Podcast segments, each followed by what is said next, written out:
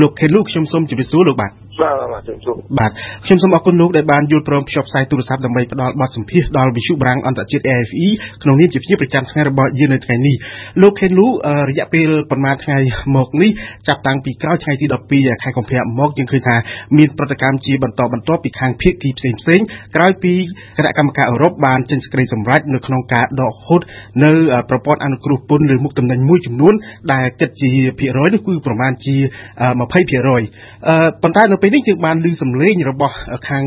រោងចក្រសមាគមរោងចក្រកាដេនៅក្នុងប្រទេសកម្ពុជាតាមរយៈសេចក្តីប្រកាសព័ត៌មានមួយកាលពីថ្ងៃម្សិលមិញដោយបានសម្ដែងការខកចិត្តចំពោះសហភាពអឺរ៉ុបដែលបានព្យួរនៅផ្នែកខ្លះនៃប្រព័ន្ធអនុគ្រោះពន្ធនេះហេតុអ្វីទៅលោកគេលោកបានអឺយើងទៅយល់ទេសេចក្តីជំនុំណងយើងបានបញ្ជាក់ច្បាស់ហើយអឺវិស័យយើងវិស័យកាដេសលិមពៈនៅស្រុកខ្មែរយើងគោរពតាមសិទ្ធិកម្មករយើងគោរពតាម សិទ្ធិសហជីពច្រើនណាហើយយើងបានមានចាក់ដៃមួយ ILO ILO ណាបាទដើម្បីមានថាការពីសិទ្ធិពលកម្មករការពីសិទ្ធិពលសហជីពមានថាលក្ខខណ្ឌការងារនៅវិស័យយើងខ្ពស់ខ្ពស់មែនទែនណាហើយយើងគ្រាន់តែសោកស្ដាយរឿងថាខាង EU ពេលដែលដកអនុគ្រោះពន្ធអឺដកអីវ៉ាន់ចំសលៀងបំពាក់របស់យើងណាតែ ប៉ះពាល់ដល់20%នៅលើនាំចេញអីវ៉ាន់នាំចេញទៅអឺរ៉ុបអញ្ចឹងបញ្ហាហ្នឹងយើងគិតថាយើងសនំពោទៅ EU គួរតែពិចារណាឡើងវិញមកពីប្រទេសជិតខាងឬក៏ចឹងនិយាយថាប្រទេសផ្សេងផ្សេងតែបានទទួល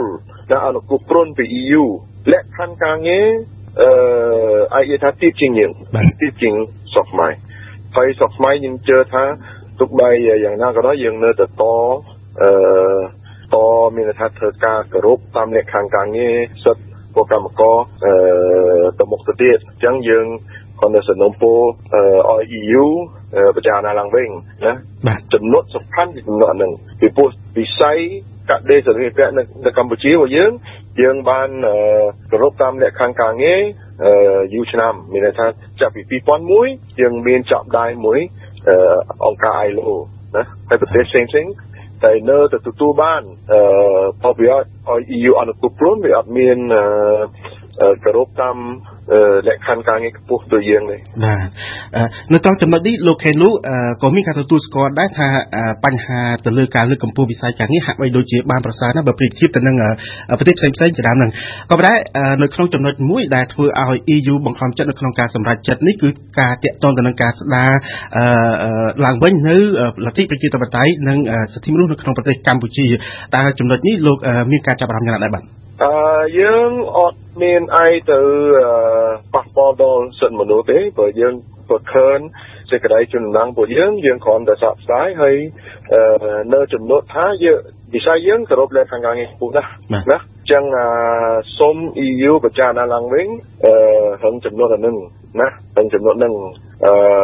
មកពីដកអនុគពន្ធ នៅលើអីវ៉ាន់20%ឥឡូវយើងបារម្ភថាប៉ះពាល់ទៅកម្មករខ្លាំងឯកជាងដល់មានកម្មករមួយចំនួនតែឯកបាត់បង់ការងារ ណាហើយយើងគ្រាន់តែស្អាប់ស្ដាយរឿងចំនួននឹងនេះបាទនៅក្នុងសេចក្តីប្រកាសព័ត៌មានរបស់សមាគមរោងចក្រកាត់ដេរនៅកម្ពុជានេះដែរក៏បានលើកឡើងដោយដែលលោកបានបញ្ជាក់អំបញ្ញមិញថាចង់ឲ្យ EU ធ្វើការពិចារណាឡើងវិញទៅលើការសម្រេចចិត្តរបស់ខ្លួនក៏ប៉ុន្តែបើតាមច្បាប់ឬក៏តាមគោលការណ៍ដែលបានដាក់កំណត់មកគឺថា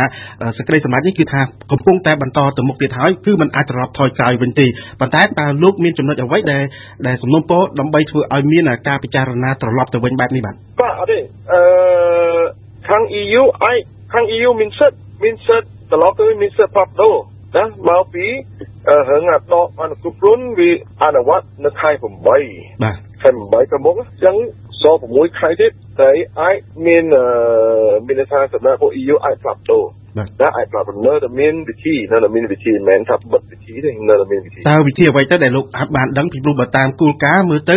បន្ទាប់ពីគណៈកម្មការអឺរ៉ុបនេះបានសម្រេចហើយគឺជាសេចក្តីសម្រេចមួយដែលពិបាកនៅក្នុងការត្រឡប់ថយក្រោយណាបាទឥឡូវបើចង់និយាយថាពិបាកឬក៏អត់ពិបាកស៊ីសងនៅលើខាង EU ទេព្រោះច្បាប់ពួក EU អត់បានបដិសេធអត់បានបិទសិទ្ធទេណាអត់បានបិទសិទ្ធទេអញ្ចឹងមានន័យថាគេអាច សម្រាប់ឡើងវិញផ្លាប់ដូរឡើងវិញអាចអញ្ចឹងយើងនៅតែជាមអលទ្ធភាពទៅសំណុំពរណាសំណុំពរឲ្យ EU ពិចារណាឡើងវិញបាទអ្វីទៅដែលជាការចង់បានរបស់សមាគមរោងចក្រកាដេនកម្ពុជាមានន័យថាឲ្យត្រឡប់ទៅផ្ដល់ដូចដើមវិញឬក៏ទម្លាក់នៅការកាត់បន្ថយមកត្រឹម20%ហ្នឹងមកនៅត្រឹម10%ឬក៏នៅត្រឹម5%វិញបាទឥឡូវសំណុំពរសំណុំពរឲ្យទម្លាក់ដូចពីមុនណាមានន័យថាអនុគមព្រួនទាំងអស់ អនុគមរិទ្ធពន្ធទាំងអស់ណាអឺបើសិនអត់បានដល់អនុគមរិទ្ធពន្ធទាំងអស់ទេសុំតិចជាង 20%, 10%ក៏ដោយ5%ក៏ដោយ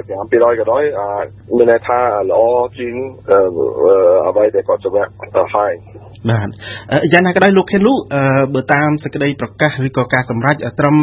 ក្នុងការដកនៅប្រព័ន្ធអនុគ្រោះពន្ធលើមុខទំនិញប្រមាណជា20%នៅក្នុងការនាំចូលទៅកាន់ទីផ្សារអឺរ៉ុបនេះថាតើវាអាចនឹងការប៉ះពាល់នឹងវាមានកម្រិតណាទៅបានជាលោកមានការព្រួយបារម្ភបែបនេះបាទអឺ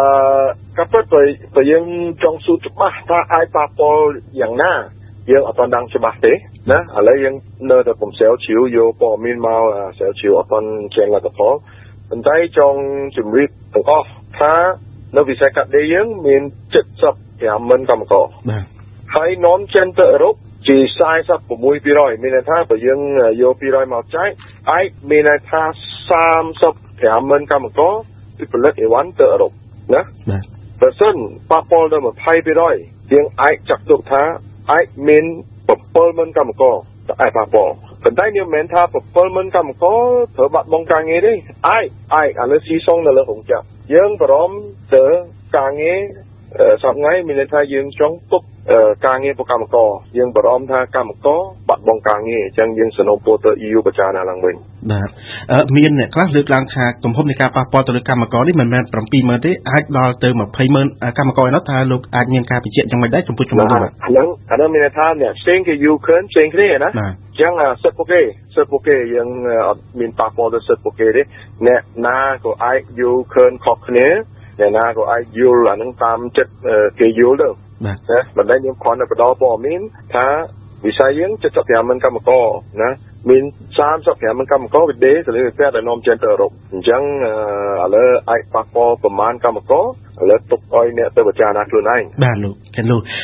យ៉ាងណាក៏ដោយរហូតមកដល់ពេលនេះតើសមាគមរោងចក្រកាត់ដេរដែលជាសមាគមមួយគ្រប់គ្រងទៅលើរោងចក្រទាំងអស់នៅក្នុងប្រទេសកម្ពុជាដែល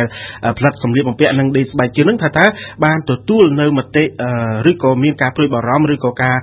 រអ៊ូរតំពីរោងចក្រណាមួយថាខ្លួននឹងត្រូវបិទឬក៏ព្យួរការងាររបស់កម្មករនឹងក្នុងទំហំប៉ុណ្ណាហើយនៅលោកទេលោកបាទបាទឥឡូវអត់ទាន់អត់ទាន់បានទេអត់ទាន់បានទេមកពី